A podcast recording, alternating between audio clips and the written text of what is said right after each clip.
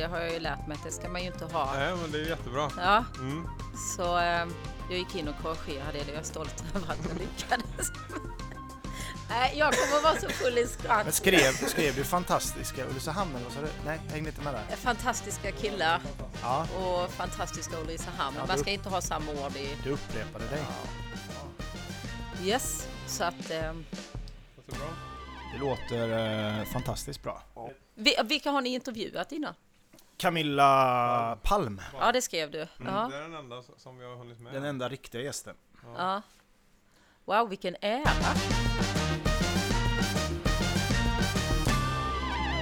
Kära lyssnare, Ulricehamnspodden är ute igen med avsnitt nummer sju! Wow, gud vad härligt vi att vara är tillbaka. ju, eh, vi är ju väldigt peppade idag. Vi har våran andra, inom situationstecken, riktiga gäst här hos oss idag. Ja, ja, ja. Hur det, är läget Jens?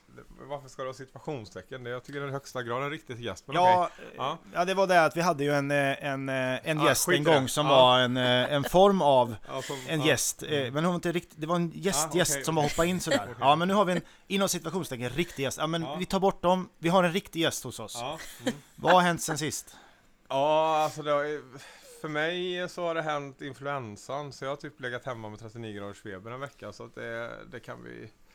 Vi kan hoppa över den Ja, du får ju kämpa med dina hostningar här, dina retningar i halsen. Ja, jag och, har en liten jävel som sitter och killar mig i halsen med en fjäder fortfarande, alltså det är hopplöst. ja och, och det vill vi ju inte höra här i micken Jens, så du får ju Nej, liksom... jag har en kudde i knät så jag kan Ja, hosta. det är en klassiker. Jens sitter med en kudde och, och stryper sina, sina hostningar. Mm.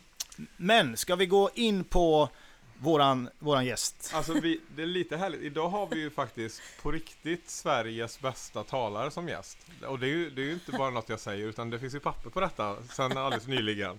Exakt. Och det gör ju oss lite mer nervösa och, och liksom att vi måste leverera en kvalitet här för en sån talare som sitter mitt emot oss just nu, det, det möter vi inte ofta. Nej. Nej. Men ska vi säga hej och välkommen till... Mina damer och herrar, vi får inte glömma, vi måste bygga upp det här Ja. lite. Mina damer och herrar, ge henne en varm applåd. Vi har henne här idag, Susanne Pettersson. Pettersson! Wow! Hej! Tack, hej! hej. Välkommen! Tack så Välkommen. jättemycket. Ni är ju för roliga. Ja, Tack, tack! härliga. Ja, vad roligt att du, eh, att du har kommit till oss idag. Ja, tack. Det är en stor ära. Och vi, vi, vi säger att du är en av Sveriges största talare. Och du har ju eh, bevisligen eh, blivit det. För du har vunnit priser. Och eh, vill du börja och berätta lite om det där priset vi har läst om och, och vem, vem du är i stora hela, vem, vem, om vi ska lära känna dig här nu, vem är du? Ja, Vilken start va, vilken öppen fråga. ja men vem är jag? jag? Jag brukar säga att jag är en liten tjej från Skåne, men nu är jag ju 50, så nu är jag en eh, kvinna från Skåne som eh, älskar att ut och prata och förmedla det som jag brinner för. Och eh, eh, idrottsbakgrund.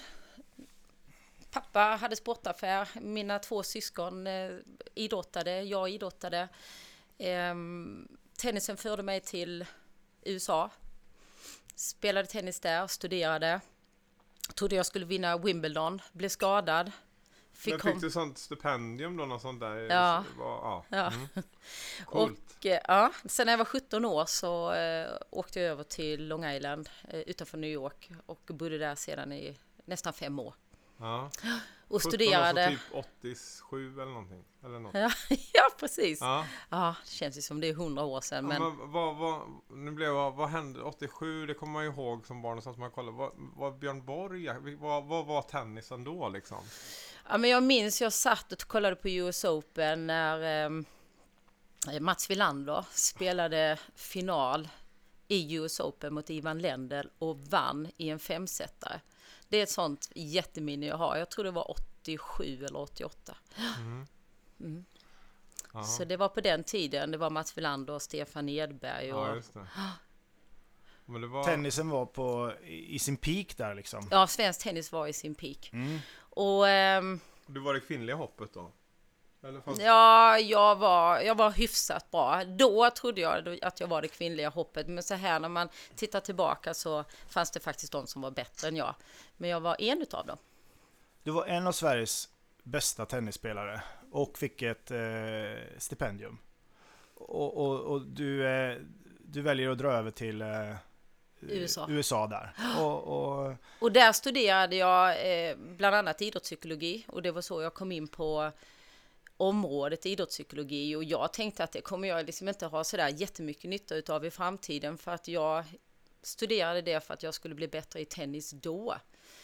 Men när jag sen skadade mig eh, ett par år senare och åkte hem till Sverige så var det ju en, eh, en, sak, en unik sak som jag hade med mig i bagage, bagaget idrotts, just mental träning, idrottspsykologi, hur viktigt det mentala spelet är. För när man kommer upp på en viss nivå inom elitidrotten så alla kan tekniken, alla kan taktiken, alla kan spelsystemet, de är fysiskt vältränade, de äter bra. Men det som avgör ett par procent, det är det mentala. så, så där fastnar du för den mentala träningen. Men om vi, vi backar tillbaka igen. Jag vill höra eh, Skåne Ja. och eh, Tom... Sa du Tomelilla? Nej, Nej, men Nej. det är nästan det? Tyringe, Tyringe. norra Skåne. Norra Skåne. Ja. Där, eh, och din uppväxt, hur, hur ser du på, på din uppväxt? Vad, tennisen, kom den in redan som jätteliten och din pappa nämner du där? Eller hur, hur, hur började liksom det första intresset där för tennisen? I, i, i den lilla byn, det är nästan lite som Ulricehamn, att det, det kretsar kring, kring idrotten väldigt mycket. Eh, och vi har en stor idrottsanläggning och där bor man, eller bodde man, och vi gjorde det också, jag och mina syskon. Så att jag spelade fotboll och tennis, min eh, tvillingbror spelade hockey och min syster åkte konståkning. Och pappa hade sportaffär. Så det var den här idyllen och, och tennisen satsade jag på tidigt men det fanns inga damserier eller så utan jag spelade med killarna och fick lov att spela i deras serier. Lite ungefär som Pia Sundhage här, hon spelar ju med killarna och så fick jag spela tennis med killarna. Vilket gjorde att jag ja, fick ju tidigt väldigt hård konkurrens och, och det var ju jättepositivt för mig. Fanns det inte damserier då alltså? Nej, inte i alla fall där hemma Nej. då, så jag spelar i killserier. Ja, jag, jag, jag tänker på tennis som en sport som liksom ligger, där damsidan ligger relativt långt fram jämfört med många andra. Ja, Eller? men nu gör det det. Ja, Ja, men det, är- det är ett tag sedan också. så- det är ett tag sedan. ja, nej men så att ehm, det, idrotten är ju fortfarande mitt stora, stora intresse.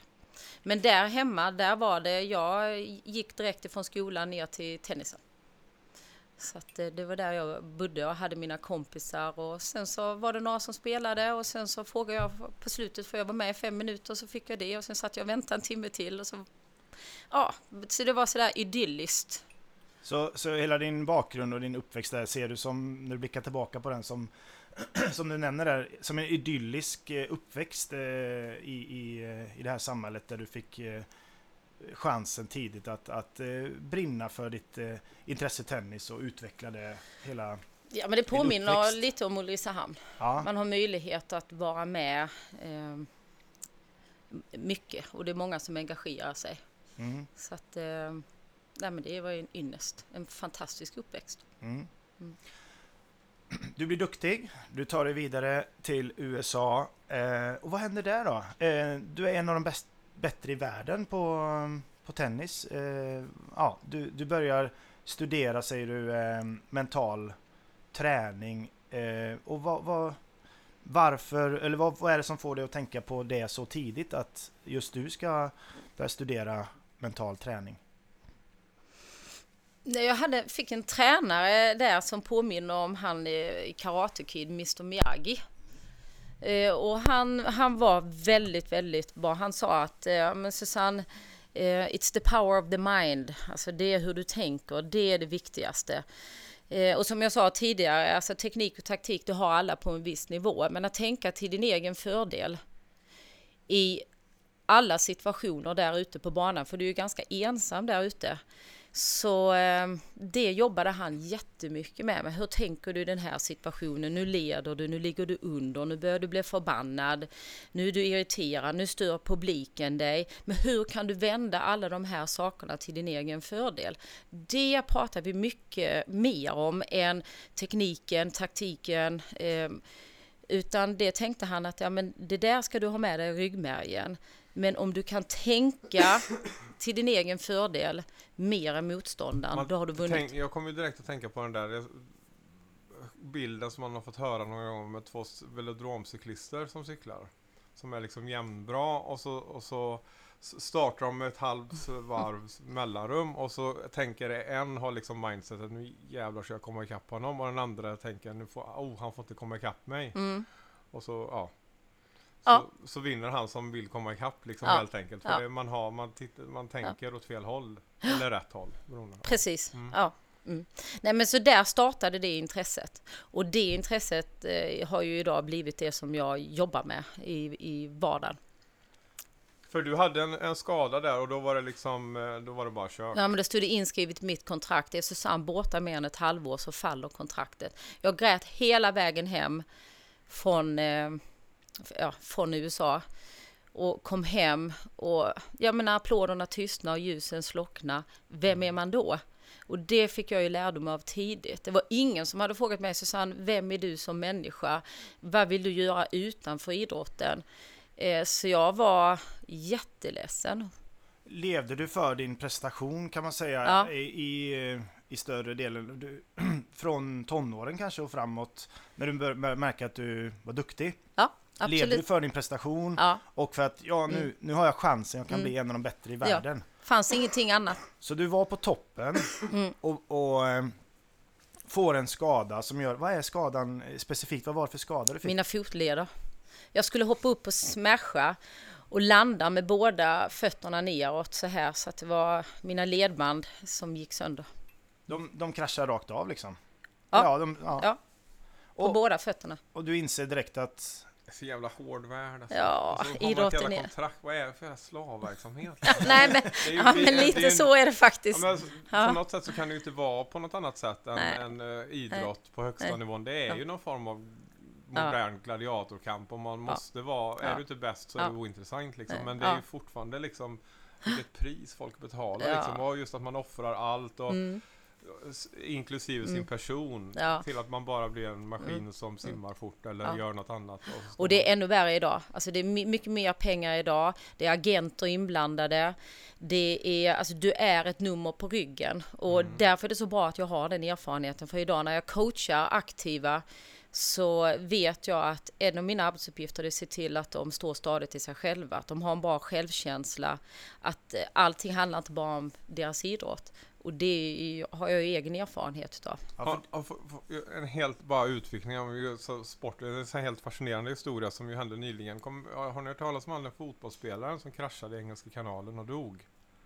Ja, Nyligen. mm, Som, inte jag. nej, han Mm. hade precis sålt från ett, eh, eh, jag kommer inte ihåg, men något lag i England Ja. eller Skottland hade köpt honom av, av, eh, av eh, Rennes, tror jag det var i Frankrike eller något sånt där. För 150 miljoner eller någonting, Ja. väldigt mycket pengar. mm, Så att de hade liksom gjort klart kontraktet, han var såld, men han hade inte ens hunnit spela någon, en enda match i sin nya klubb.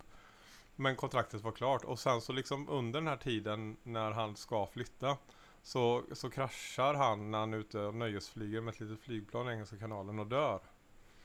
Och då blir det ju liksom ett kontraktsbråk. Vem ska de... För de har inte betalat fakturan än på 150 miljoner och varan är ja, skadad. mm. Det blir bara så obehagligt tydligt att det är en... Alltså, det är en produkt. En ja det är en Ja. produkt och det är också en produkt som inte, det är, det är liksom inte sådär 200 000 eller, eller något som man kan hantera utan det är Nej. något Mm. på något sätt som kanske faktiskt knäcker klubben om de ska betala 150 mi- Mm. miljoner för något de inte får. Och Mm. de andra måste få pengarna för de har ju betalat för dem. Ja. Ja. Det är Ja. helt sin, det blir så liksom... Ja, Ja, det är... ja förlåt jag bara kommer Nej tänka men på det är jätte, det är precis som du är inne på där och idrottarnas liv är som du säger också Susanne, än tuffare än vad det var då. Ja, absolut. Och det är mer absolut. pengar inblandade och man vill mer och mer Mm. av en produkt. Mm. Och det som händer dig då, det är att du är där uppe på toppen och får det här... Eller på väg upp till på toppen. väg upp. Ja, Men du är ändå i mångas ögon ja. på en väldigt hög stege liksom. Du, du var ändå i kval, eller hur högt upp? Du, du skulle in på... ja, Nej, men jag höll ju på att kvala in. Ja. ehm, till... Ja, att, att, till att få eh, världsranking och komma in i de stora tävlingarna. Ja, Så, så, så, där. så jag var ju liksom på väg att skaffa mig en karriär när allting bara abrupt avbröts. Och det var ingen, det var ingen som någon gång hade förberett mig på att det kunde hända. Och ehm, det, ja, men som sagt den erfarenheten är jag ju glad att jag har idag. För jag kan hjälpa de aktiva mycket tidigare idag. för det som händer dig då, Mm. när du bara skjuts, eller du Ja. flyger hem till Sverige. Och, och tomheten och Flyttar och hem till känslan. mamma. Ja, vad händer? T- Jag flyttade hem till mamma, hade liksom bara egentligen mina två eh, väskor och sen började jag om eh, på nytt, ett nytt liv. Jag hade ju tänkt fortsätta bo i USA. Eh, och sen så började jag jobba eh, med tennisen professionellt. Skånes tennisförbund, Svenska tennisförbundet. Men det, det får vi ta lite. Aha. Är du 20 år, Ja, 22. 22 år, flyttar hem till mamma. Mm. Eh, Hur lång tid tar det innan du är på fötterna igen mentalt där? Eh, Och hur, hur ser den resan ut? Som, eh, från att vara där uppe till bottennivå liksom? Nej, men alltså, det blev ju att livet blev ett blankt papper. Det blev ett, en, ett helt annat papper. Så att... Eh, nej, det var tufft. Det var jättetufft. Men sen efter ett tag, alltså man kan inte vara knäckt hur länge som helst. Man får lov att bryta ihop som jag säger. Eh, men du får inte lov att stanna där för länge utan sen behöver du lyfta blicken igen. Och, och jag var ju tvungen till att skaffa mig ett nytt liv. Och successivt identifiera vad vill, vad vill jag nu? när det jag egentligen ville inte blev av? Kan jag ändå ha ett bra liv? Eller blir det, blir det liksom ett bra liv trots att det inte blev så som jag hade önskat? Och det har det ju blivit, men det har inte varit gratis. Man behöver kämpa. Och man behöver analysera sig själv och var ligger mina drivkrafter och vad vill jag? Och så, så ung så hade jag ingen aning, men successivt så har, och gör fortfarande. Vad, vad är nästa steg och vad brinner jag för? Vad tycker jag är roligt? Och det fick jag ju fejsa väldigt tidigt. Så du vänder någonstans, eh, du, du lyfter blicken och så eh, ger du ut i, i nästa kapitel då, nästa del av livet där. Ja, och det blev väldigt enkelt för mig. Ja. För när jag analyserade det så tänkte jag om jag inte själv kan stå där ute på banan så kan jag åtminstone komma så nära som möjligt att bidra till andras framgång, att hjälpa andra och då också med min egen erfarenhet i bagaget och min teoretiska kunskap jag hade lärt mig. Så att det blir ju, det blir ju ändå väldigt bra och jag lever ju fortfarande nära idrotten och jag älskar det. Det är jättekul. Så du kommer in där i ett sammanhang till slut. Eh, vad- du, du blir tränare, eh, tennistränare. Först blev jag tennistränare på Bellevue Tennisklubb i Malmö. Eh, och var huvudtränare där. Och eh, det blir två roller. Dels att, eh, att coacha spelare men också att tidigt komma in och coacha andra tränare. För vi var ju tränarteam tillsammans. Och sen blev det Skånes tennisförbund. Och sen var jag på tennisgymnasiet i Båstad och sen blev det Svenska tennisförbundet och sen Riksidrottsförbundet.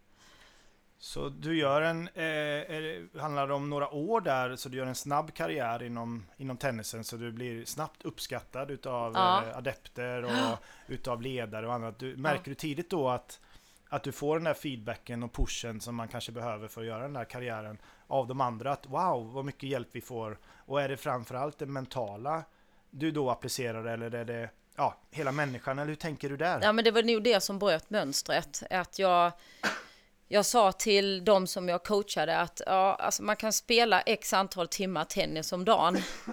Eh, men vi kan reducera det och sen så kan vi satsa på personlig utveckling, vi kan satsa på mental träning. Så när det gick bra för mina adepter så var det många journalister som frågade, ja men tränar ni ännu mer, ännu mer intensivt? Och då svarade adepterna att nej men vi tränar mindre, men vi tycker om oss själva och vi jobbar med oss själva som människor och det gör att vi spelar bättre. Och det blev ju liksom en grej då som inte många hade jobbat med. Och så skapade det intresse. Egentligen naturligt när man säger det idag, Men då var det inte det.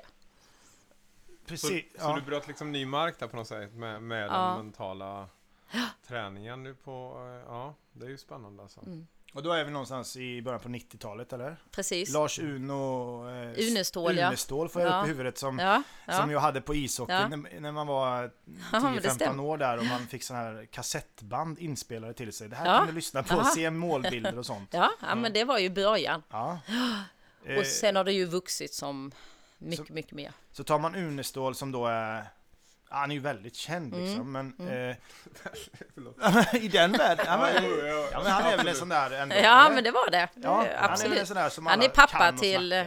Ja, mental ja. träning i Sverige. Okej, och där Ja. fick, du, fick du ta del av hans kunskap? Absolut. Ja. Ja. Du var, blev, en, blev du en del tidigt utav, om man, om man säger, var ni någon form av gäng där som connectade? För du hamnade i Stockholm också på Bosön va? Mm, precis. Ja, eh, kunde du connecta med andra där och liksom Mm.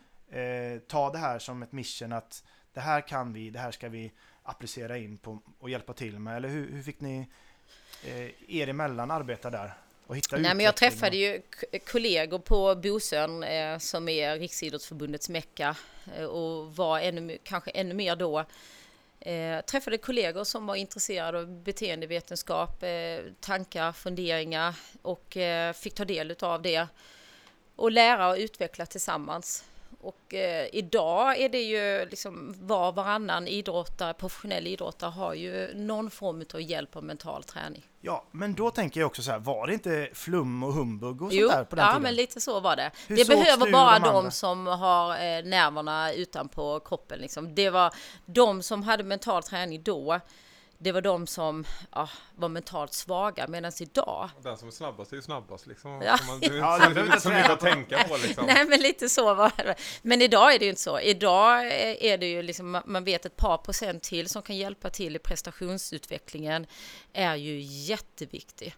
Så att eh, ja, det har gått från att vara liksom humbug till att vara en pusselbit i framgång för idrottarna. Mm. Så på den tiden var ni, margin, ni var i marginalerna liksom? Ja, det kan man säga. Ja, Ja. och nu är ni Ja. en hel del, eller en, Ja, men en hel stor- yrkeskår. Ja, Ja. precis. Och du eh, hamnar på Bosön. Ja. Ja, vil- vilket år har vi då någonstans där? 90... Ehm, ja. Ja, 95, 96 någonstans där. ja. Mm. Och vad får du för adepter att jobba med då liksom i eh, vilka, vilka är det du får applicera dina kunskaper på? Nej, men då blev vi tilldelade i olika idrottare. Så det kunde vara allt ifrån golf, eh, friidrott, eh, eh, fotboll, eh, men, you name it. Alltså, det finns jättemånga idrottare. Nu jobbar jag väldigt mycket med hockey. Men då tilldelades vi olika idrottare och idrotter som, som vi kom fick jobba med. till Bosön. Det kom, Ja, som, ja, eller kom här har till vi en oss. satsande tjej som Ja. håller på att bli bland de bättre i, eh, i friidrott. Mm. Susanne, Mm. eh, här får du henne, vill du jobba med henne? Ja. Var, det, var det typ så? Ja. Ja. För folk som inte känner till Bosön, Bosön är någon form av eh, Mecka. kursgård, mecka för svensk idrott där alla möjliga kommer att träffas och Ja men det är och- som eh, Lassalyckan gånger, eh, ja vad ska man säga, 50 eh, Ja. så. Så det är jätte, ja det, och det är dit man kommer för att både utbildas, utvecklas, ta tester. Eh, det är idrottens mecka. Och alla idrott, alltså liksom det är en blandning av olika idrotter. Blandning av massa olika idrotter. Och du är någonstans nu då runt 20, ja upp, 28, Ja, 20, bör, ja, precis 28, 29. 28 där. ja. Och, och börja känna att eh, du, har, du har hittat din grej där antar jag. Liksom. och mm. Hur lever du livet då? I Stockholm, Bosön? Eh, Mm. Är det glitter, glamour och det 90-talet, vad var det då? Ja. Var det liksom vad, vad är, är, eller är det party Ja, men på det har jag inte ens Stureplan, eller hur tänkt på. Jag är ut? en sån där sporttjej. Eh, nej. Vart, vart är, Ja, vart var- man var då? hänger man liksom? liksom? Ja, vad hänger man? Alltså jag hängde the ju... shit, liksom?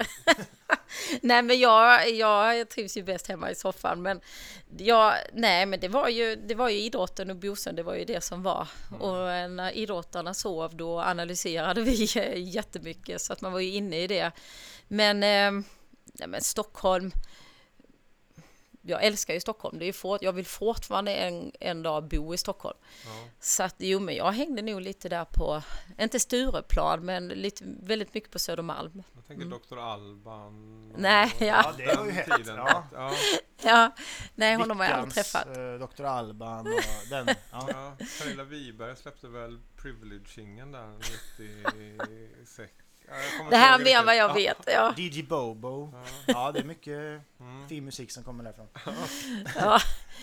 Men eh, ja, Men du, du, du, du ser dig då som... eh, Ja, du är lika hårt satsande eh, i din yrkeskarriär som du en gång var som idrottskvinna då? ja men det är det, kan man se dig absolut. så som människa? Så kan man absolut se än, Är det så överlag? Vad du än ger dig in på så är det all in? Är det så? Ja, ja, men det tycker jag. Nej, men framförallt sen när jag startade eget företag. Jag skrev en bok tillsammans med en kollega på Bosön som heter Charlotte Alexandersson. Och Det var en bok som handlar mycket om ledarskap. Eh, den heter Leda med förtroende. Och det var, kom ut 99 och den var biljetten ut i näringslivet och offentlig verksamhet för väldigt många inom företag, kommuner, skolor var då väldigt nyfikna på ja, men hur jobbar ni inom idrotten? Så den blev liksom en biljett ut i näringslivet och offentlig verksamhet. För jättemånga ville veta, men hur jobbar ni med ledarskap i, inom idrotten? Och eh, då fick jag jättemycket förfrågningar utanför idrotten. Och då stod jag där i valet mellan att eh, fortsätta jobba enbart inom idrotten eller även jobba utanför idrotten. Och då startade jag eget. Och det har ju varit eh, helt fantastiskt för att idag får jag jobba med samma saker men i olika branscher. Vilket gör att jag har vuxit som människa och lärt mig många, många nya saker. Framförallt det som jag tror är det viktigaste det är att om man ska nå framgång inom idrotten, man ska ta OS-guld, VM-guld, då behöver alla dra åt samma håll. Och eh, det jobbar man så systematiskt med inom idrotten att eh, ja, men de aktiva behöver vara överens, ledarna är överens, organisationen är överens. Och eh, det jobbar jag ju med inom idrotten. Fick även förmånen att göra det utanför idrotten och eh, tycker det är jätteroligt. Så blandningen som jag jobbar med idag, idrotten, skolor, kommuner, företag, det är ju en ynnest. Fast syftet är detsamma, att hjälpa människor att dra åt samma håll. Mm. Kan man... Jag tar, jag tar mig själv tillbaka till eh, 90-talet och hockeyn då som jag satsade mycket på. Är du eh, hockeyns eller, eh, eller organisationen eller föreningens eller skolans headcoach? Eller är du lagledaren? Eller hur ser du dig själv när du kommer ut på, på organisationer och sådär? Vad är... Vad, vad gör du då liksom? Hur lång tid kan du få arbeta med eller ett företag till exempel som ringer dig. Hur, hur eh, det är ju, en dag är ju, är ju jättekort i sammanhanget om man ska bygga ett helt lag. I ishockeyns värld eller fotbollen, idrotten så, så har man ju år på sig att, att jobba med strukturer och organisationer och sådär. Men eh, företagen där liksom, eh, hur lång Ja, hur lång tid har du att få arbeta med dem? Ser det olika ut? Liksom? Ja, men det ser väldigt olika ut. Om vi nu tar Malmö Redhawks som jag jobbar med som ingen tycks heja på. Eh, Jens? så jag inne ja, men du, Jens, du sa att du hejade på Malmö hockeylag. Alltså jag, jag, har, jag, har ing, jag har liksom inga känslor för något hockeylag så jag kan säga att jag he- hejar på dem lika gärna som Du trodde ju att men det är ju eh, bra. Redhawks var Frölunda va? Ja, men behöver, alltså, nu ska vi inte gå in på sådana rasistiska stereotyper.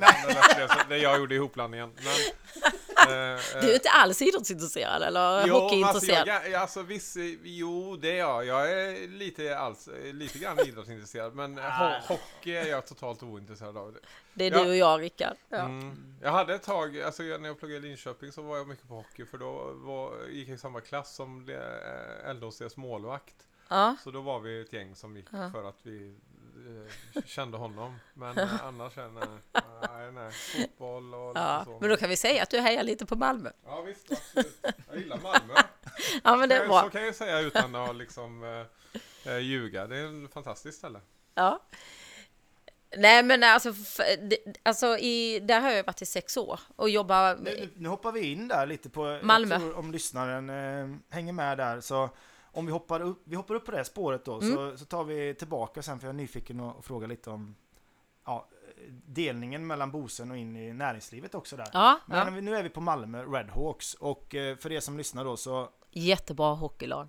Ja, exakt. Eller hur Jens? Från Malmö. Ja, från Malmö. Men han, vad heter han, den, vad heter han, eh, den där eh, gubben som höll Pers, på? Percy Nilsson. Just det, Percy Nilsson. Ja. Ja, Det är ju en fascinerande människa. Ja, men det är en fascinerande människa. Ja. Han har ju byggt eh, hela arenan där killarna spelar och vistas. Ja, Han äger den arenan. ja, ja det, Han äger det är ju hela Malmö känns det Ja, som. jo. Man, man hör honom i poddar och sånt i alla fall. Då Ja. äger han mycket. Ja.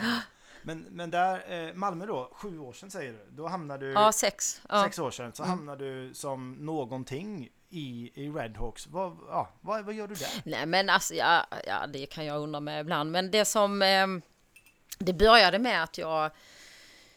Jag blev t- tillfrågad och var kanske lite... Jag brukar inte sticka ut hakan så. Jag tycker om att stå lite eh, bakom kulisserna. Men jag sa vid ett tillfälle att man kan inte bara köpa in en massa dyra spelare och tro att man ska vinna och få framgång. Det gäller också att jobba med dem individuellt och jobba med dem som team så de blir ett bra lag. Så att jag lyckades ju säga det till sportchefen Patrik eh, Sylvegård att det räcker liksom inte med att man använder Persis eller då också Hallå, Hugo bara Stenbecks säga det till pengar. honom. Du, Ja. du stöter på honom Ja. random där, eller hur träffade Ja. du på honom? Nej, vi, vi träffades i ett privat sammanhang och så sa jag det att eh, jag vill Malmös hockeylag jätteväl, men jag tror att det är väldigt bra om ni även jobbar med mental träning och eh, eh, grupputveckling. För det spelar ingen roll om du har 200 300 000 i månaden om ni, man inte är ett bra lag. Liksom det, man behöver också bygga ett starkt team tillsammans. Och sen så ringde han ett par eh, veckor senare så sa han du har fått jobbet. Och jag bara ja, men det var inte riktigt så jag tänkte. Men på den vägen är det. Så att idag är jag ju involverad i hela organisationen. Allt ifrån att jobba med spelarna, jobba med laget, teamet, jobba med alla tränarna, eh, jobba med personalen, jobba med styrelsen. Så att alla behöver ju dra åt samma håll och de har ju gjort en fantastisk resa. Tänkte just säga, om man tar Malmö sex år tillbaka, var det inte på dekis då? Det var väl inte så himla stark hockey? Nej, de låg ju allsvenskan Ja. då, så hade Percy Nilsson byggt eh, Europas finaste arena och så låg de inte ens liksom i elitserien. Nej, och det var väl sådär, eh, kö- man har alltid sagt om Malmö, köparlag. Ja, men man, man köper in Mm. allting bara för Percy hade pengar och då köpte man in de bästa. Det började ju tidigt egentligen, Ja. började inte det på 80-90-talet? Jo. Pekka Lindmark och den eran. Ja, Men gud vilken kunskap du har. Jo men det är precis Ja, så men det det var väl började. så det var. Och Ja. sen eh, köpte man upp laget och så ja. Levde, fick de sitt SM-guld som de har kämpat så länge. Och det, Ja. och det in, har så. vi inte sett det där SM-guldet på, sen var 90-talet tror jag. Nej, och sen ramlade de ur. Ramlade de ur. Ja, Och, och, och Nu är de ligger tillbaka. de i allsvenskan och så har de en av Sveriges finaste arenor. ja. Och där, i den vevan kommer du in. Ja. Eh, för att bygga ett lag. Och Ja. vad, vad händer? Det är ju Men- succé. ja. Men, men är det, är Alltså det jag har bara en pusselbit i Ja, det. ja, ja. ja, vi har alltså Ja. Men systemmakerskan här. Men är det, Nej. liksom, är det ett motstånd där om man kommer in i en kultur att det sitter en, de har ju en stark ledare i Percy där och, och med en stor plånbok och, och det är liksom kanske då en mentalitet av att ja men eh, vi kan, eh, köper vi de bästa så blir vi bäst. Fin, Ja, så det, var det då. Ja, fanns, Mm. men, men Ja, men hur var det liksom? Var, hur blev du mottagen med öppna, öppen famn eller var det liksom besvärligt? Att få dem att lyssna på dig liksom? Nej, faktiskt inte. Jag, jag trodde att det skulle vara det. Fast det var väldigt mycket kärlek direkt från början. För att killarna behövde det. Alltså vi får tänka på att det även om man har en hög lön, det är ändå människor, unga killar som ville utvecklas. Både personligen och som hockeyspelare och som kände mycket press, stress, nervositet. Eh, och de här sakerna fick de ju hjälp med. Så de var ju väldigt tacksamma. Sen jobbade vi med att få flytta, alltså, som i vilken gruppprocess som helst. Och där fick de vara delaktiga. Så det gjorde ju att de blev ett väldigt sammansvetsat team oavsett vad de hade för lön. Och det uppskattade de jättemycket. Och när, i, i takt med att det faktiskt gick bättre då så Ja, det Blir ju måste alla varit ett glada. gäng som också var ganska, som alla, eller många kände att, ja, vad fan, allsvenskt, vad- vi, spelar ju fel division. här. Ja, men det var det ju SHL absolut. Alltså, målet var SHL, men de lyckades ju med det. Mm. Och sen eh, ville de ju inte bara vara i SHL, utan de ville vara i toppskiktet utav SHL. Och nu de senaste två åren har de varit eh, semifinal två år i rad. Så att de är väldigt glada och kommer fortsätta den här satsningen. Vad gör man sen? Finns det någon sån här Champions League och sånt? För Ja, det, det finns det. Eh, CHL kallas det för inom hockeyn och där är de också med. Får man möta jänkare och sånt roligt då? Nej. liksom? nej. Ja, men olika europeiska lag. Från, eh, nej men, nej, men Ja. alltså det, det finns Ja, men det är en Europaliga. Ja, okej. Mm, ja. mm, mm, mm. Och där har de ju också fått spela, så att alltså de är ju... Italien och Spanien och alla, alla starka hockeynationer. De kommer ner och får sola lite. Det är glammigt. Glammig, Ja. eh, den är, Ja. är den glammig den där? Den var väl, eh, den kanske var på sin uppgång den där eh, Champions Hockey League, men i början var den väl lite sådär, inte så publiktäta matcher. och Nej, sådär. nej. Och det håller fortfarande på att etableras, alltså Ja. hockeyn så, Europaliga. Och det håller, ja, det håller på att utvecklas. Men jag vill poängtera det att jag är liksom ingen frälsare så, jag är en pusselbit. Alltså vi har... Ja men det är så tråkigt att folk håller på och poängtera sånt hela Ja, tiden. Vi får- Ja men det är sant. Vi fattar att du har gjort den här, Ja. det är din bragd, vi vet det redan. Nej men ja, Ja, men jag är nyfiken på det där arbetet att komma in eh, och förändra människor så bara. Eh, det tar ju tid antar jag. ja. Och det tar ju, det är ju tålamod. Har Ja. du det tålamodet? Du är ju en sån där, eh, som jag ser på dig nu, så här, aktiv, framåt, eh, ska se resultat snabbt och sådär. Här måste du väl jobba med mycket tålamod och människor som inte fattar hur du tänker. Eller hur, hur tänker du kring det? Ja, men det, alltså i ett, i ett hockeylag så av 25 spelare så finns det de som är givna stjärnor. Och sen finns det de som är juniorer som vill upp och som eh, får spela tillsammans med sina stjärnor. Och sen har vi de som är någonstans eh, och håller på att slå igenom. Men alla de här behöver olika coaching. Och en av mina arbetsuppgifter är att se till att identifiera vad behöver de här, de som är stjärnor. Det är många som tror att de inte behöver stöd. De behöver mycket stöd för de har mycket mer press på sig. De som är på väg upp, eh, som håller på liksom att skaffa sig ett självförtroende, de behöver ju viss form av coaching. Och de som är juniorer och bara sitter där och blir hur lycklig som helst för lite istid, eh, de behöver också eh, coaching. Så att en sak är vad de behöver hjälp av mig som mental rådgivare. Men jag är också en bro mellan eh, tränarna där. Att jag kan säga att ja, men nu behöver ni tänka på det här i båset när ni coachar den här och den här. För att eh, den här personen har väldigt starkt självförtroende just nu, behöver lite mindre coaching, men behöver den här typen av coaching. De här är lite osäkra, då får ni tänka på att då behöver ni coacha så här. Så att jag är liksom bron däremellan. Och sedan, det är rent individuellt. Men sedan behöver också tränarna hjälp med att okej, nu är laget i gruppprocessen så här. De har kommit en bit på väg, de är över smekmånaden. Då behöver gruppen faktiskt börja ta till sig saker mer själv. Och då behöver tränarna hjälp med hur ska jag coacha dem i de olika faserna. Och det är en av mina arbetsuppgifter. Det här är ju så spännande för då finns ju en hockeykultur, pratar man lite om machokultur och så vidare. Ja, Eh, hur, eh, hur man behandlar eh, hockeyspelare, fotbollsspelare eller överlag lite macho och att ledarna kanske inte alla gånger har utbildningen eh, för att de här små pojkarna och flickorna som sen ska bli idrottare att hur ska de behandlas och så vidare. Så att precis. du även Mm, som du säger, för ledarna på den nivån blir man också nyfiken på när man är ledare i SHL eller eh, hur du, de, har de mycket att lära dem också eller vilka, ja, hur, hur kan du se dem som människor? Och, och de där broarna du pratar om, hur använder du liksom eh, pusselbitarna, hur kan du lägga dem för att eh, de ska synkronisera, alltså ledare och spelare mellan varandra? Är det mycket Eh, Har de svårt att kommunicera med, eller är de duktiga, är de på en hög nivå även de nu för tiden? Ledarna? Ja, alltså ledarna är ju också ett team, det får man inte glömma. Alltså runt, om vi bara tar återigen Malmö, men jag tror man kan applicera det på vilket lag som helst, så är det mellan 10 och 15 ledare som är involverade. Alltså allt ifrån, det är huvudtränare, det är, ja vad ska man säga, hjälptränare, det är målvaktstränare, det är läkare, det är fysiologer, det är naprapater.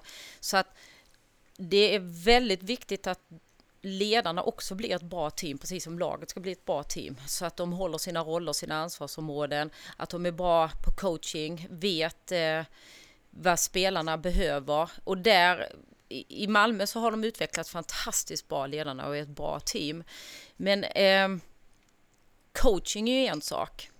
Det är en helt annan sak att kunna teknik, taktik och spelsystem. Det är tränare oftast väldigt bra på. Mm. Men att coacha och vara bra i kommunikationen, mm. det behöver man ofta, eller många behöver utveckling i det. Ja, för det, det, det, det känner du själv att du kan påverka mycket genom hur, hur de säger sakerna. Ja. Ja, för det har de inte kanske hundra koll på, utan där kan du tillföra mycket kunskap. Att du, som du själv sa, coacha den spelaren på det sättet och mm. en annan på ett annat sätt. Precis, mm. ja. Och det är ju ödmjukt av tränare att komma in och vilja ta den hjälpen. Ja, det känns ju som att eh, sporten är en värld av väldigt mycket stora egon, tänker jag. Att det kan inte vara, att det kan, måste vara lite jobbigt ibland med eh, grupp, ja men alltså grupp, grupp, eh, grupp vad heter det, lagsporter. Ja. Och att liksom, som sagt, det, varenda en som är med i Malmö eller vilket lag som helst har ju, är ju har ju satsat sådär hårt som du gjorde en gång i tiden och bara levt hockey i sen de kunde antagligen åka skridskor innan de kunde gå liksom. Och eh, ser sig själv som bäst och, eller ska bli bäst. Och, och så ska de här fogas samman i ett lag då? Alla ja. individer, alla mm. stjärnor? Ja. För de har en gång varit de bästa i sina klubbar förmodligen. Fast mm. min erfarenhet är faktiskt att ju högre upp du kommer ju mer ödmjuk är det. Mm både som tränare och som spelare för att man vet att okej, okay, man har sina 10 000 timmar i benen, man har haft framgång. Fast sedan att fortsätta där och eh, hålla sig på en hög nivå år efter år och sen samtidigt eh, leva, leva det. Det krävs en viss ödmjukhet att göra det och en viss prestigelöshet också. Där, för vem av oss är det som sitter med facit? Jag har inte träffat en enda, vi behöver hjälpas åt och det tycker jag är, när man har kommit dit jag älskar ju när Janne Andersson, när han fick pris som årets ledare på Idrottsgalan, när han går upp och tackar sina ledarkollegor i svensk fotboll och säger det, det är så skönt för vi är helt prestigelösa, vi gör det tillsammans. Mm. Och, då, och det, det säger de som oftast är bland de bästa. Men de som vill upp, de tror de har facit. Men jag har inte träffat någon som har facit. Nej.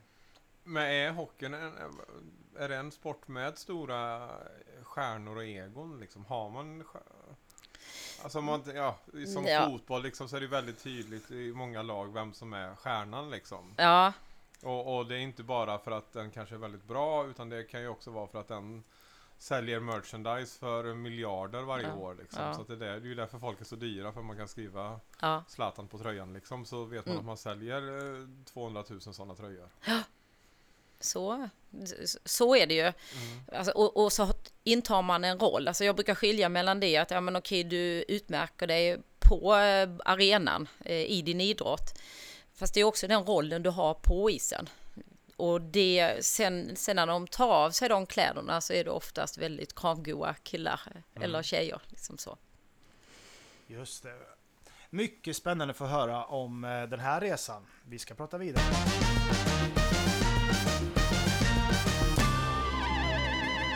Fantastiskt spännande att få prata lite idrott, eller hur Jens? Ja, verkligen.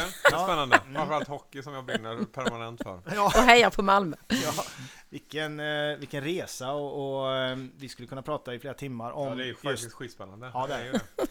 Eh, men hockey är en sak och vi var ju innan Malmö Redhawks spåret där. Då, då var vi Bosön och du skrev en, en bok Mm. Eh, och den tog fart på något sätt. Eh, folk började köpa den där boken och började läsa den antar jag. Mm. Vilket gjorde att du säger att du fick en biljett in i näringslivet och startade ett företag. Och sitter här idag med så många paletter eh, på din... Eh, vad heter man? Paletter på din... Eh, ja, det är färger på sin palett. Färger på sin, tack, jag är så dålig på ord. Jag försöker bara slänga mig med sånt för att det ska låta bra. Många paletter i din ateljé kanske? Ja, mm. det har du i alla fall. Ja. Eh, och ehm, näringslivet kommer du in i där. Och, ja, men där, där bara funderar ja. jag på en grej. Alltså, innan jag blev egenföretagare så jobbade jag ju på vanligt kontor på lite olika företag och, och ja, men ganska stora företag. Och, och, och, då kom det ju med jämna mellanrum någon sån här föreläsare ju, som du skulle kunna vara du. Ja. Eh, och eh, man har det är ju något som är så himla svårt med det där tycker jag. För att det, det, det, det det, det är ju, man sitter där 200-300 personer i en hörsal och Mm. så kommer någon och berättar. Och det blir så himla... Alltså jag har ju varit med om eh, när man har tyckt det varit jättebra och man har gått eh, ut och känt eh, vad, vad skönt. Eller man har haft roligt i alla fall. Eller man har haft någonting att det har berört en. Och så har man ju många gånger känt att Gud vad det här är mycket fåniga sägningar och plattityder och liksom det är lite som humor på något sätt. Tycker man att det är roligt så är det roligt och tycker man det inte är roligt så är det inte roligt liksom. Nej. Och det är Alltså, också så att du när du var anställd där, då valde ju du inte att få gå på den här föreläsningen. Någon över dig i någon ledningsgrupp hade bestämt att vi ska utveckla oss som människor eller något liknande. Ja, Och du som person behövde ju, kunde ju tycka varför ska jag det? Men alltså som organisation kanske ni behövde, men du som människa kanske inte ville ha det. Nej men det bara så, så jag bara, men då har jag bara tänkt att det måste, att det är sån himla otacksam roll många gånger. Eller hur, eller hur hur upplever ser du på det? Ja, du står ju där och får, får möta gullig allas är. blickar. Ja. Nej, men jag kan ta ett exempel. Jag var i Södertälje i tisdags. Eh, Där hade chefen bestämt att vi ska jobba mer i team, ha omorganiserat och sen så hade chefen varit och lyssnat på mig tidigare. Och så sa han Susanne, skulle du kunna köra detta för hela personalen, ungefär 100 personer? Och teamledarna är där, men de behöver höra vad skapar framgångsrika team och varför det är viktigt att jobba i team. Och när jag går upp på scenen där så såg jag att eh, några satt med sina telefoner. Ja men det är så jävla, alltså, jag tycker, alltså det här tycker jag är fascinerande Ja. för det är så vidrigt svårt jobb. Ja, Precis som du jo, säger, det någon, Ja. någon jädra chef som man kanske hatar Ja. har bestämt att man ska göra någonting. Vi, och, så, och så blir alla de här orden om att vi ska bygga team och vi ska göra ditt. Och, och, Det enda du tänker på är att få gå hem Ja, och men, få... om man bara, alltså det, det är så liksom, ah gud, det finns så mycket, Ja. det måste vara så, ah förlåt. Ja. Men det, det, är Ja men det, kan ju ja, men det är precis här- ja. ja, och jag såg ju att vissa var, alltså när jag går upp där på scenen så såg jag att vissa var faktiskt intresserade. Cheferna sitter oftast längst fram och vissa var helt ointresserade. Men det är precis det som taggar mig. För då blir det en sån här eh, utmaning när jag går upp på scenen. Jag vet ju vad jag ska säga. Jag vet att det jag ska säga är bra. Jag vet att det jag ska säga är användbart och nyttigt. Men det som blir sporren för mig, det är hur kan jag vända dem som sitter med sina telefoner? Sen tycker jag inte att man ska ha telefoner av artighet, men nu var det några som faktiskt hade det, vilket jag är ovan vid. Men då ser jag det mer som en utmaning där jag sa till mig själv, innan jag går av denna scenen så ska de självmant ha lagt undan telefonerna för att de tycker att det här är så intressant. Och eh, det gör att jag blir ännu bättre. Det blev, det blev liksom att jag... Och det som, det, det som jag brukar säga det är att okej, det här... Och jag brukar ju säga precis det som du säger. Hur många utav er känner att ja, men ni är hittvingade utav chefen och så blinkar jag till chefen. Ja, då brukar ju en del räcka upp handen. Ja. Och känner att ni sitter och tittar på klockan att eh, ni ska få gå hem och då är det, det blir ju igenkänningsfaktor och så. Men nu är det faktiskt så här, hur många utav er har vänner? Då räcker alla upp handen. Hur många har någon form av familjekonstellation? Alla räcker upp handen. Ja, och kollegor, då har ni allihopa. Allt jag pratar om nu kan ni ha glädje av på jobbet, men även privat. Med era barn, era vänner, grannar, era barns eh, tränare inom idrotten, vad det nu är för någonting. Så eh, ni kan ta till er någonting av detta som ni kan ha nytta av i olika sammanhang i livet. Så eh, då fångar jag dem med det, för då, liksom, då neutraliserar jag det, jag tar bort det och då börjar de skratta lite. Och sen är det ju faktiskt så att jag står inte och pratar om mig själv. Jag står och pratar om någonting man kan ha nytta utav och så, någonting som jag jobbar med. Och så tar jag metaforer ifrån olika delar. Jag berättar om eh, äktenskapsrådgivning, jag berättar om idrotten, jag berättar om familjer, jag berättar om, om företag. Så att igenkänningsfaktorn ska bli så stor som möjligt. Jag blandar skratt och gråt eh, med teori. Så det är mer det pedagogiska upplägget, hur jag lägger upp det som gör att jag fångar dem. Och jag var helt lycklig i tisdags när jag åkte hem. För alla de, det var fem stycken, de hade lagt av telefonerna. En av dem kommer fram och sa, jag trodde detta skulle vara waste of time och så gav han mig en kram. Mm. Eh, ja, men det måste ju vara kicken. Och det liksom. är kicken och det är utmaningen. Om det blir sådana där som jag var igår och jobbade eh, på SÄS, det var jätteroligt. Där hade jag med mig publiken från början. Alltså de tre timmarna, det var från början till slut. De var där, de ville lyssna, de eh, såg det som en förmån. Och då, då känner jag att då är jag in the flow från början. Men i tisdags, då fick jag jobba mig in i flow. Men det här är ju spännande. Du stod tre timmar framför ja. en grupp och pratade. Du ger, du ger, du ger. Ja. Var är din eh, ta emot eller fylla på? Och vad känner du? Du känner att i, i Södertälje så blev du alldeles uppfylld och var glad och, och endorfiner eh, och, och så vidare. Du har gjort en, själv gjort en prestation där. Men eh, du, du, du, har ju, man har ju upp och nedgångar som människa. Och du kan ju vara låg ibland förmodar jag. Och då ska du gå ut och, och ge, ge, ge energi. Har du, hur tacklar du den situationen? Att du är ju ganska utlämnad där som Jens säger.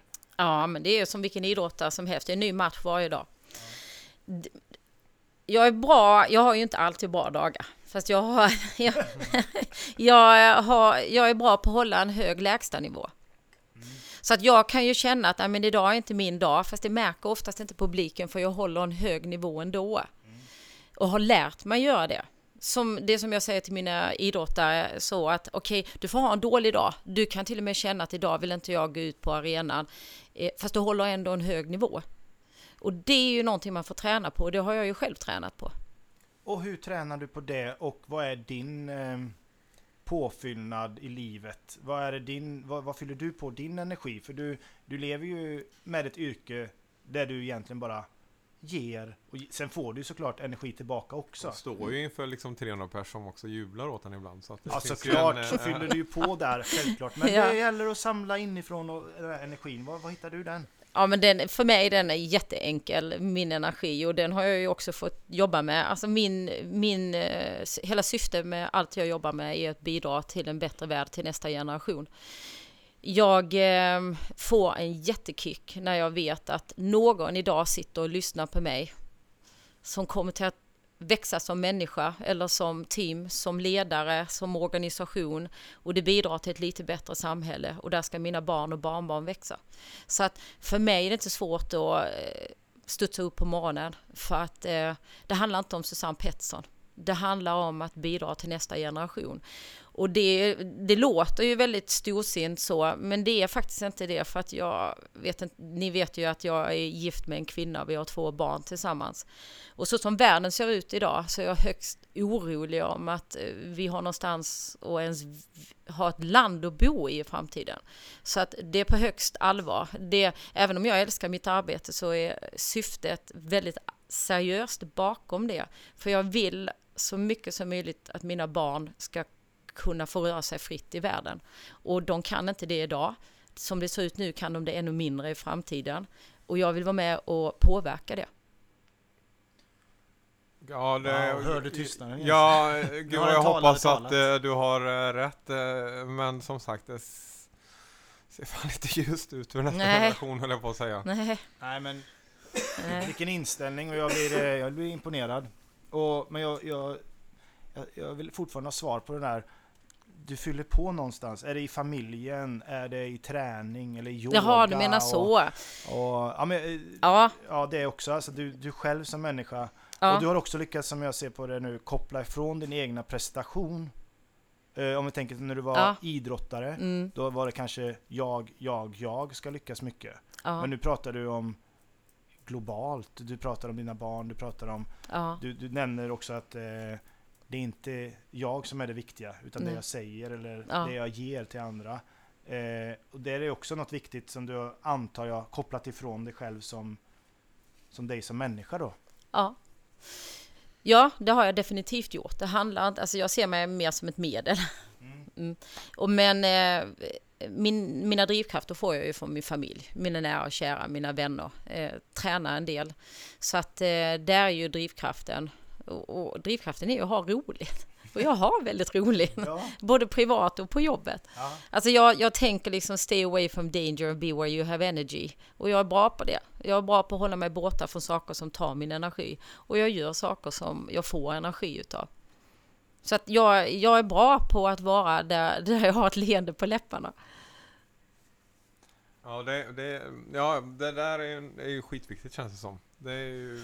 Vi sitter ju här och bara suger in Ja, ja. vi, ja helt, nej, men det, det, det, vi bara det, suger in oss här nu. Hur ska jag kunna använda allt det hon säger liksom i mitt liv? Ja, men, men jag tycker också att liksom, det har vi ju pratat mycket om tidigare, men det, är- det är ju lite de där sakerna som man också själv har försökt välja i, i, i livet, liksom att inte jobba kvar där man är, gör och, och, liksom, och, och försöka befinna sig där man faktiskt mår bra. Liksom.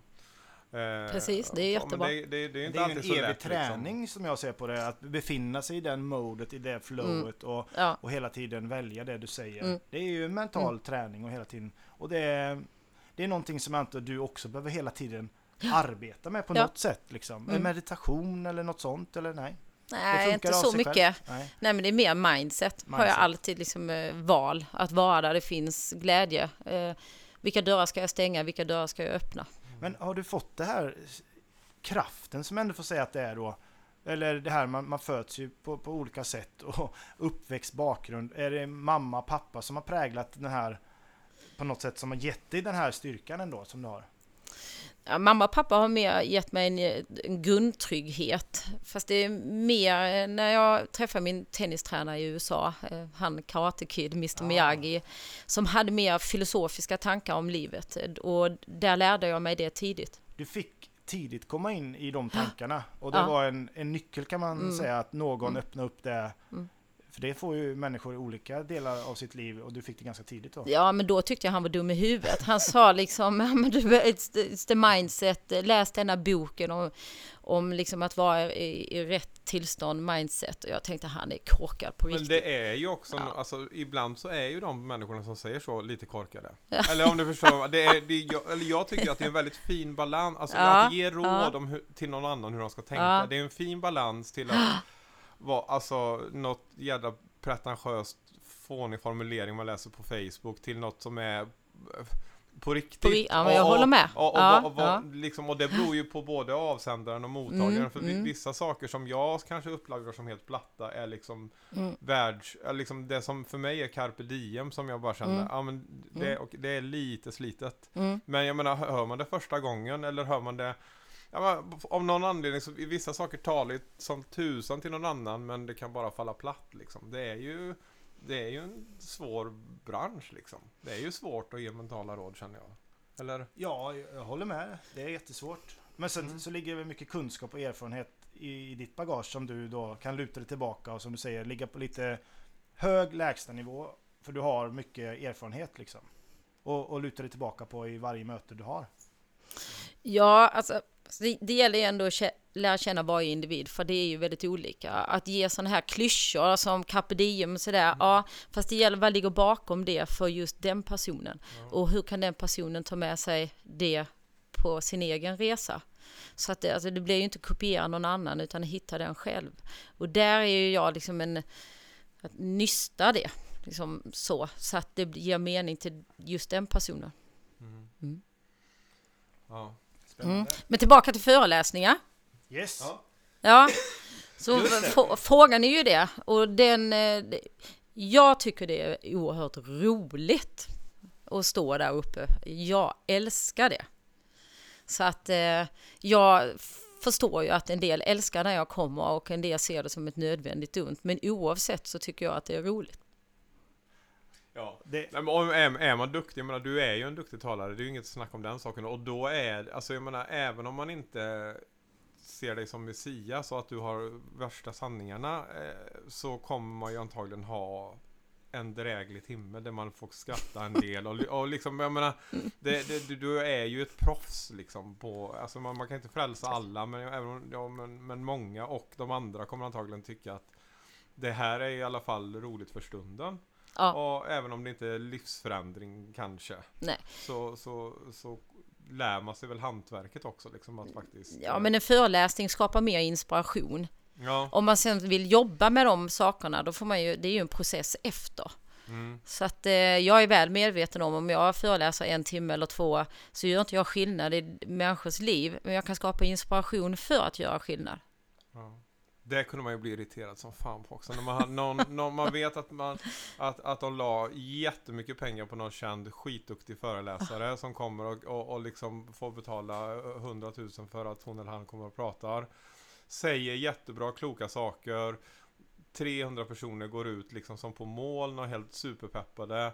Och sen så är det liksom bara bomstopp och ingen uppföljning på detta Nej, på något nej. sätt. Och ingen av den där Nej. energin är Ja, Nästa morgon är den borta igen för Ja. då är jävla regnar det och Ja. chefen är sur igen liksom. Istället för att man su- ja. följer upp Och det det. måste väl ligga Ja. på ledningen Mm. där. Ja, så ja, det märker jättemycket det och att Ja. ledningen måste på något sätt applicera in det här Mm. och, och Mm. jobba vidare med det här som du pratar om. Ja, För en precis. föreläsning för en människa Mm. är som du säger. Och, Ja men det är en ögonöppnare, det är, Ja. det, det är en startgrej, Mm. det, det är något som kan lyfta Mm. och, och, och skapa intresse och, och få en jävla skjuts. Men det Ja. gäller ju verkligen att jobba med det sen. Ja, Mm. och det är det som är det viktiga, processen efter. Mm. Mm. Årets, det här talarpriset. Ja. Vad, vad, berätta. Vad, Ja, men alltså jag blev det? ju överraskad Ja. själv. Jag, dels var det är Talarforum som är Sveriges första och största eh, talarförmedling.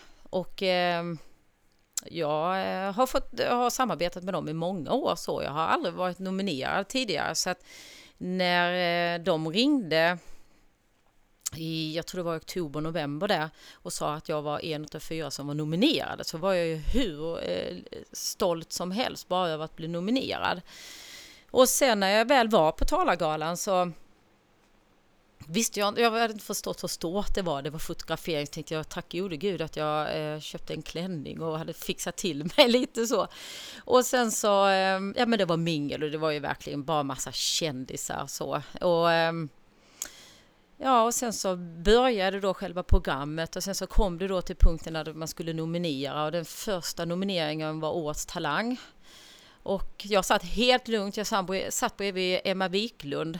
Hon var ju också nominerad och den som var mest känd. Jättetrevlig på alla sätt och vis. Nej men sen var det årets eh, moderator och sen var det eh, årets manliga talare. Och sen sist var det då årets kvinnliga talare och jag satt där helt lugnt för jag tänkte nej men de andra tre är ju kända. Jag satt där och tänkte jag var jättenöjd med situationen och sen så gick de upp och läste nomineringen, en man som hette Oscar och sen så första meningen tror jag han sa att eh, den här personen eh, påverkar både inom näringslivet och idrotten och då tänkte jag, och med hjärna och hjärta så tänkte jag Hey, that's me. Ja, nej, det tänkte jag inte då. Jag tänkte det kan, oh, det, det kan ju vara jag, då börjar jag få lite puls.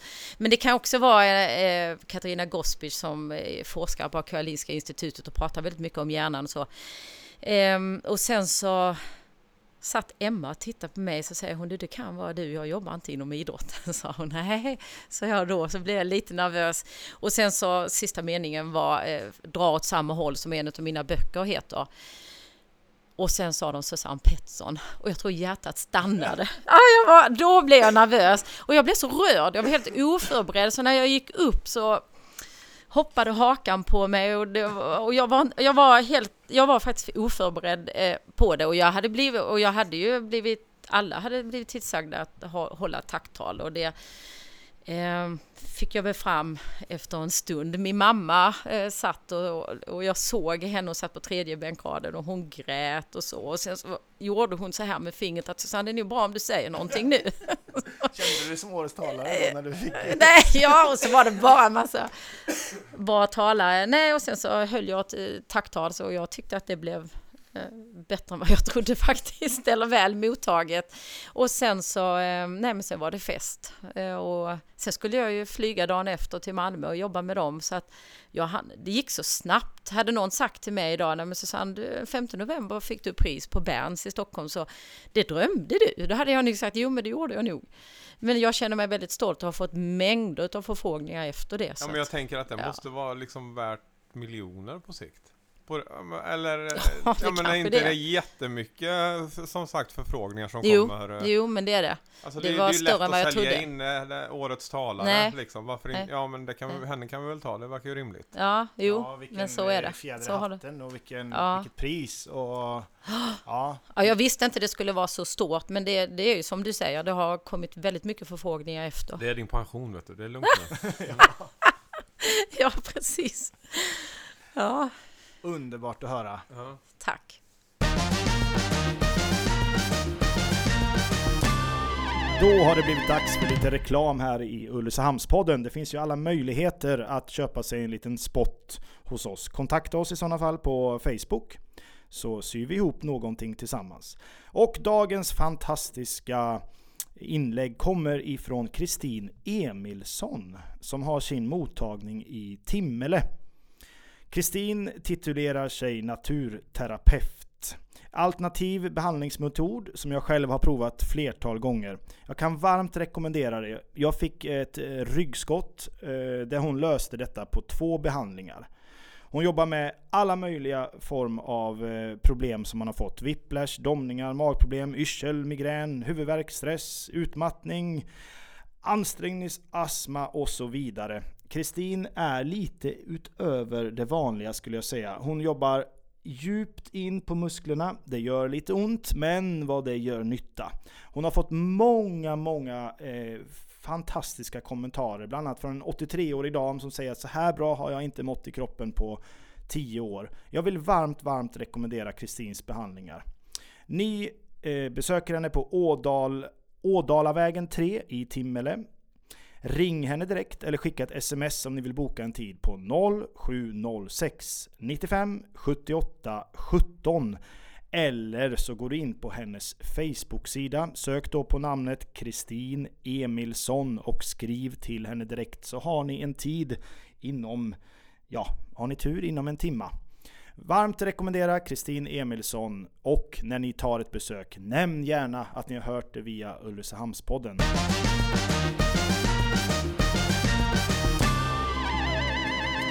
Annan sak som jag bara eh, slogs av lite här. Vi har ju pratat om eh, mycket Skåne och USA och Stockholm och allt möjligt. Men vi sitter ju faktiskt i Ulricehamn. Ja, Vad gör du här då? Eller hur kom, varför det undrar du här? jag också. För ett par år sedan visste jag inte var Ulricehamn låg, men eh, när jag träffade min fru Erika i Stockholm så var alla våra tankar att fortsätta bo i Stockholm och köpte en lägenhet och planerade för ett liv i Stockholm. Men eh, hon eh, var, blev gravid med vår första dotter Molly så gick det ett par månader och så sa hon eh, det skulle vara rätt så roligt att bo hemma nära familjen och vänner när jag är mammaledig. Mm. Ja, sa jag, men det kommer ju inte hända för nu har vi ju precis renoverat och så. Sen så gick det någon vecka så sa hon, alltså nu eh, när jag snart ska vara mammaledig hade det varit bra att bo hemma. Ja, men det kommer ju inte hända, sa jag igen.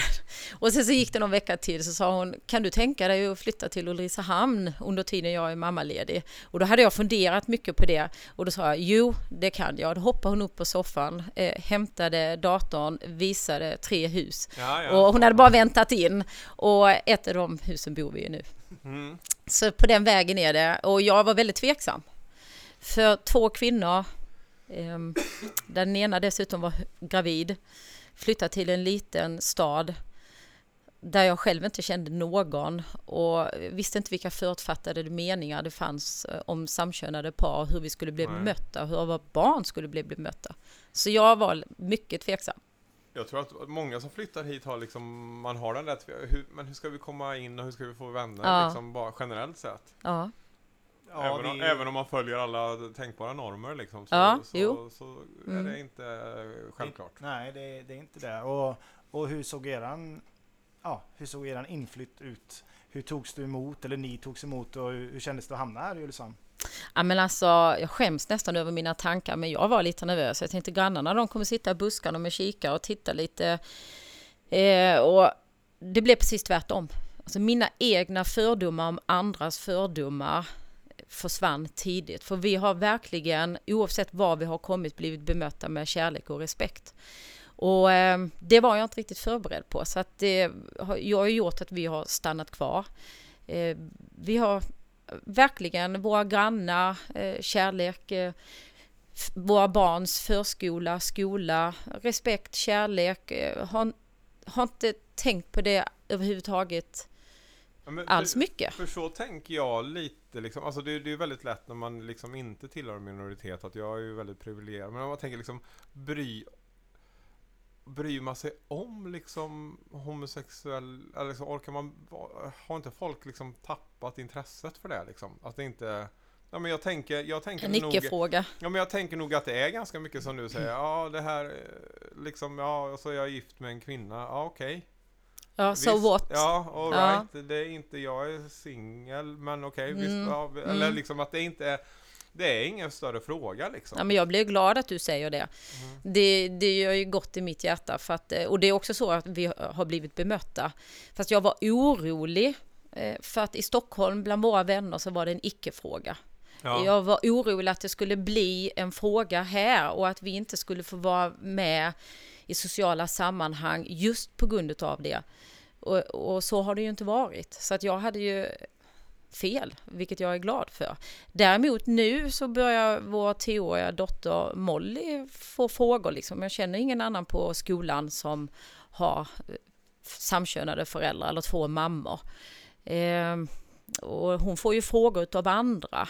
Ja. Och då, det, de frågorna fångar vi ju upp ofta i familjen och hur hon ska bemöta det. För nu är det inte jag som får frågorna, det är hon som får frågorna.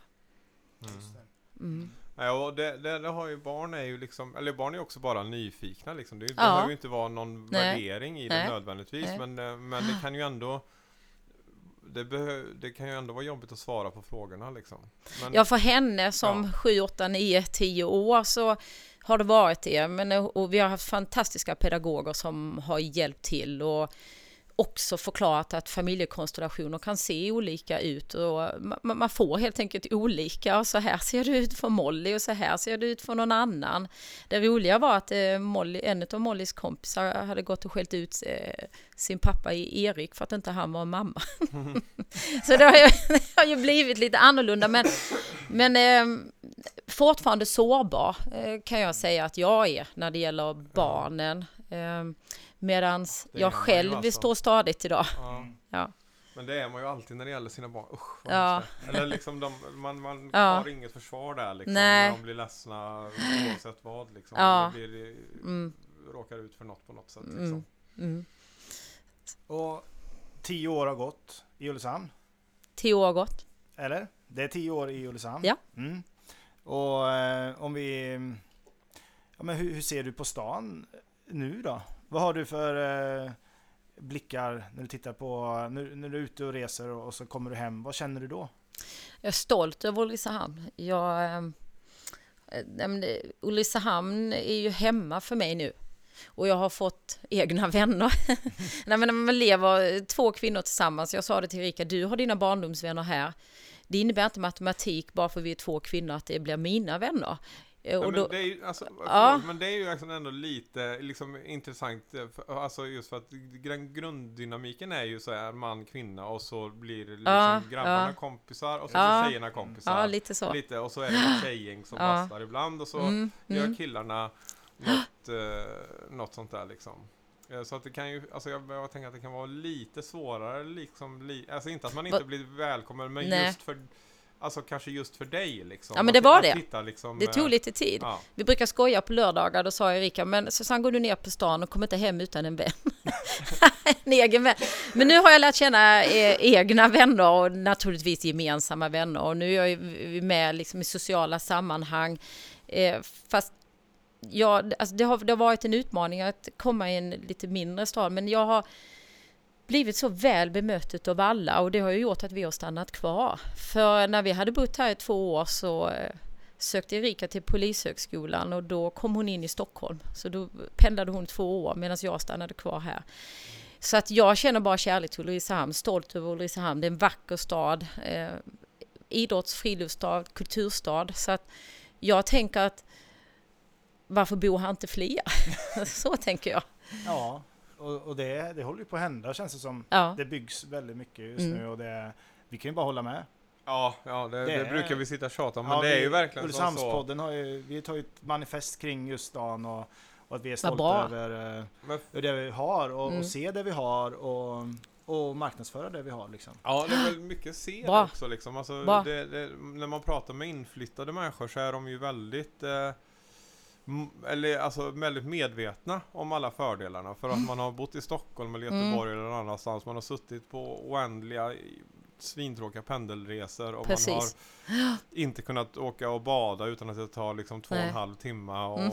Medan här har man Alltså vardagen är ju så fånigt lätt här liksom. Ja, alltså ja. det tar fem minuter oavsett vart, vad du vill göra. Om du Ja. vill gå ner och bada så kan du göra det Mm. på fem minuter. Och vill Mm. du vara i skogen Mm. kan du i princip Ja. gå dit på samma... Ja. Ja. det är ju som det är liksom. Fast det bästa för mig ändå, även om du, allting du säger, jag bara skriver under på det, men det bästa för mig är ändå människorna. Alltså människorna här är väldigt vänliga, eh, väldigt eh, stor gemenskap. Mm. Det tycker jag jättemycket om. Nyfikna upplever de också. Mm. Eh, undrar, frågar, eh, Mm. bryr sig Mm. och är angelägna om Mm. att och, och Mm. veta svaret. Mm. Det är inte en fråga för artighets skull utan av nyfikenhet. Och det är ju en drivkraft. Ja, Vi borde hitta någon som hatar Ulricehamn som har flyttat hit. Det hade varit, det hade varit en bra, intressant intervju liksom. vinkel egentligen. Ja, folk är så jädra det är tacksamma och, och det är så underbart. Och det är det ju, jag håller med om det, men det vore kul att höra den andra åsikten. Hittar vi liksom. den där ute som, som känner så, så är ni jättevälkomna eh, att mejla oss på Facebook. Eh, kom och vara gäst, Ulricehamns motståndare. Det vore fantastiskt. Ja. ja ni är för roliga. Ja. Ehm, om du ska ge några eh, vad är rekommendationer, något råd random till människor, vad, vad, vad, vad skulle du vilja Om, ge då? eh, Om livet? om Lid, ja det var så mycket som möjligt ha ett leende på läpparna och, och gå den vägen. Jag träffar väldigt många döda människor. Alltså de gör saker om och om igen dag efter dag utan mening eller mål. Ja. Och det dödar kraften i hjärnan. Och jag, de gör liksom bara saker av slentrian och vet inte varför. Så att fortsätta leva, Fortsätt- det, oavsett ålder. Ja, alltså hoppa av eller hoppa på nya spår Mm. Ja, och, ja. och inte köra på Ja. i samma spår. Mm. Liksom. Ja, Alltså det handlar om att leva och ha kul, ja. inte att överleva. Bra Ja, Jens! det är väl bra. Ja, verkligen. Det tycker jag... Och så ska man heja på Malmö. Ja, Ja. Vi säger stort, stort tack till Susanne Pettersson som gästar oss denna vecka. Vilket fantastiskt möte! Nästa vecka är det dags för en ny gäst. Vi säger välkommen till Marcus Obeda! Tack så mycket för denna veckan. Vi hörs om en vecka igen.